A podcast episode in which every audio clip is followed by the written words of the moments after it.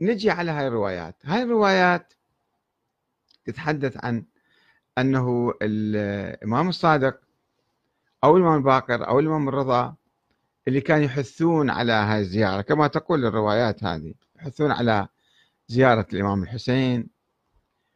آه يعني من راويها هاي الروايات؟ ناس آه معتدلين أم ناس غلاة تعرفون الشيعة في القرن الثاني والقرن الثالث وما بعد ذلك كانوا عدة فرق سبعين فرقة صاروا ومنهم الغلاة والغلاة فرق كثيرة. الغلاة فرق كثيرة. شنو؟ كيف نعرف الغلاة عن غير الغلاة؟ نعرفهم من خلال آه، نظرتهم للأئمة. الأئمة من هم الأئمة؟ الأئمة الاثنى عشر من الإمام علي الأحد عشر الحسن العسكري يعني. طيب هناك نظرتان في الحقيقة نظرة طبيعية ومعتدلة والأئمة هم يأكدوها ويركزوا عليها ويقولون نحن علماء أبرار. نحن رواة حديث عن النبي. ما عندنا شيء من عندنا. كل ما لدينا هو أحاديث نرويها عن الإمام عن النبي صلى الله عليه وسلم عليه. هاي النظرة العادية المعتدلة. وعلماء أهل البيت هاي نظرة نظرة أخرى تقول لا. طبعا هناك درجات متفاوتة في الغلاة. الخطابية كانوا يقولون آه، آه، الخطابية والسبعية يقولون الأئمة آلهة. استغفر الله ربي وتقول هذول خليهم على صفحة. اجى مفضل ابن عمر شوية تنزل درجة سوى فرقة جديدة. اسمها المفضلية أو المفوضة. يقول الله فوض الخلق للأئمة وأئمة خلقه بعدين. وهم يروي حديث عن الإمام الصادق أيضا. يقول قال الإمام الصادق نزلونا عن الربوبية شوية وقولوا فينا ما شئتم كيفكم؟ مثل ما تبدون تقولون قولوا روحوا قولوا. هذا أيضا مغالي. في غلاة آخرين أقل من عنده درجة. كان كانوا يقولون الأئمة أنبياء. كيف الأئمة أنبياء؟ ينزل عليهم وحي. كيف ينزل عليهم وحي؟ يقول الملائكة تنزل عليهم. عندهم علم من الله. العلم يجي عليهم نقر في الأذهان والآذان والقلوب. طيب هذه هذه هذه صفات الأنبياء. الأنبياء كيف كان ينزل عليهم وحي؟ يعني كان يجيهم علم في قلب في قلبهم يصير نبي. الأئمة نفس الشيء ما دام تنزل عليهم ملائكة وزغب الملائكة على المخدات مالتهم موجود وكذا يعني هم ذولا أنبياء. الأئمة يلعنون هؤلاء. الإمام الصادق يلعنهم. يقول لعن الله من قال إنا أنبياء. يعني كانوا في جماعة يقولون الأئمة أنبياء. الإمام الصادق نبي. طيب هذا أيضا حطوهم على صفحة لأنه ذولا مو معقولة. لأن النبي محمد هو خاتم النبيين. بعد ما في واحد بعده يجي مو معقولة واحد يقول الأئمة أنبياء ويبقى مسلم هذا؟ ينكر ضروري من ضروريات الدين. فماذا نفعل به؟ نقول له أنت كافر أصبحت.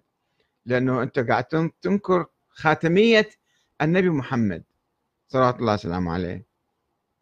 ولكن كلام هؤلاء هذه الفرقة بالذات ما ما انقرضوا الفرقة ما انقرضت وكلامهم ما راح.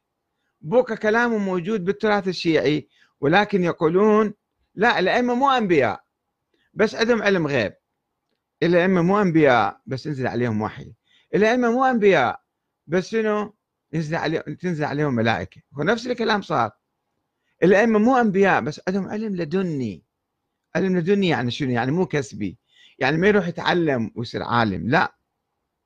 إنما يجي علم من الله.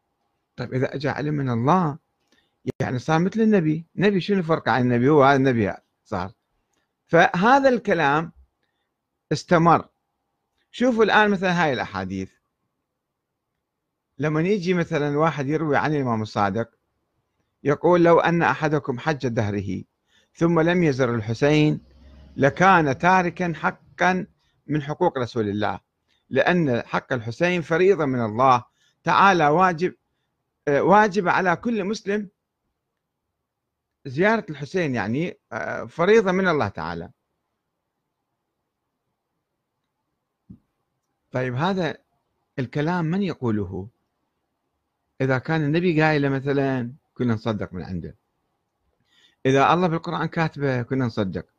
بس لا الله ذاكره بالكتاب ولا النبي ذاكر الحديث هذا. فيجي واحد ينقل عن الإمام الصادق يتكلم في الشيء ديني يعني يتكلم في الشيء عن عن الدين عن الإسلام عن الله تعالى.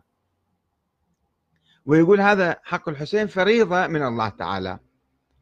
طيب هذا معناته أنه دي يقول أن الإمام الصادق نبي دي يتكلم عن عن الله تعالى. وهذا الحديث موجود في كتاب الشيخ الطوسي تهذيب الأحكام وكامل الزيارات لابن قولويه والمزار للشيخ المفيد. وأيضا يقول أيضا الحديث الأحاديث اللي قرأنا لكم إياها قبل شوية. آه، من من زار الحسين كتب الله له ثمانين حجة مبرورة. إيش بدريك انت يعني افترض افترضوا الإمام صادق قال هالحديث. إحنا نسأله. أنت من وين قلت منين تجيب لنا الكلام هذا؟ المعلومات من وين جبتها؟ كتب الله له ثمانين حجة مبرورة. من وين جبتها؟ من قال لك؟ أنت رويت رواية عن رسول الله؟ يقول لا ماكو شيء رواية. أنا دا أقول من عندي مثلا إذا كان صحيح طيب هذا معناته أنت صرت نبي قاعد تتكلم عن الله تتكلم عن ثواب الأعمال وهذا الله ما قايل لا بالقرآن ولا النبي متكلم عنه. فشلون أنت تتكلم؟ نسأل سؤال. يعني هذا دي ينقل الحديث ينقل عن الإمام الصادق بهالصورة هذه. يعني يفترض أن الإمام الصادق شبه نبي. عنده علم من الله ودي يتكلم عنهم. من زار الحسين كتب الله له ثمانين حجة مبرورة. إذا أجى واحد قال نفس الكلام عن أشخاص آخرين ما نقول لهم أنتم منين تجيب الكلام هذا؟ أنت من نازل عليك وحي يعني؟ طبعا الغلاة كانوا يقولون ذلك. الغلاة عندهم هذا شيء اعتيادي لأنهم يعتقدون أن الأئمة ينزل عليهم وحي وعندهم علم من الله. والأئمة مثلا يزدادون علم دائما و آه، يعني هذا شيء طبيعي عندهم. هذول الغلاة. إذا هاي أحاديث كلها أحاديث الغلاة وليست أحاديث آه، الناس الشيعة المعتدلين اللي كانوا ينظرون إلى الأئمة نظرة عادية أنهم علماء أبرار رواة حديث عن النبي. فإذا في الحديث ما جاء عن النبي وهم ما قالوا عن النبي هذا. واحد يتكلم من عنده من نفسه مثلا. نقول له هذا كلامك شلون يعني؟ مو صحيح. يعني أنت أما نبي أو مو نبي فهمنا. هذا كلامك شلون تتكلم؟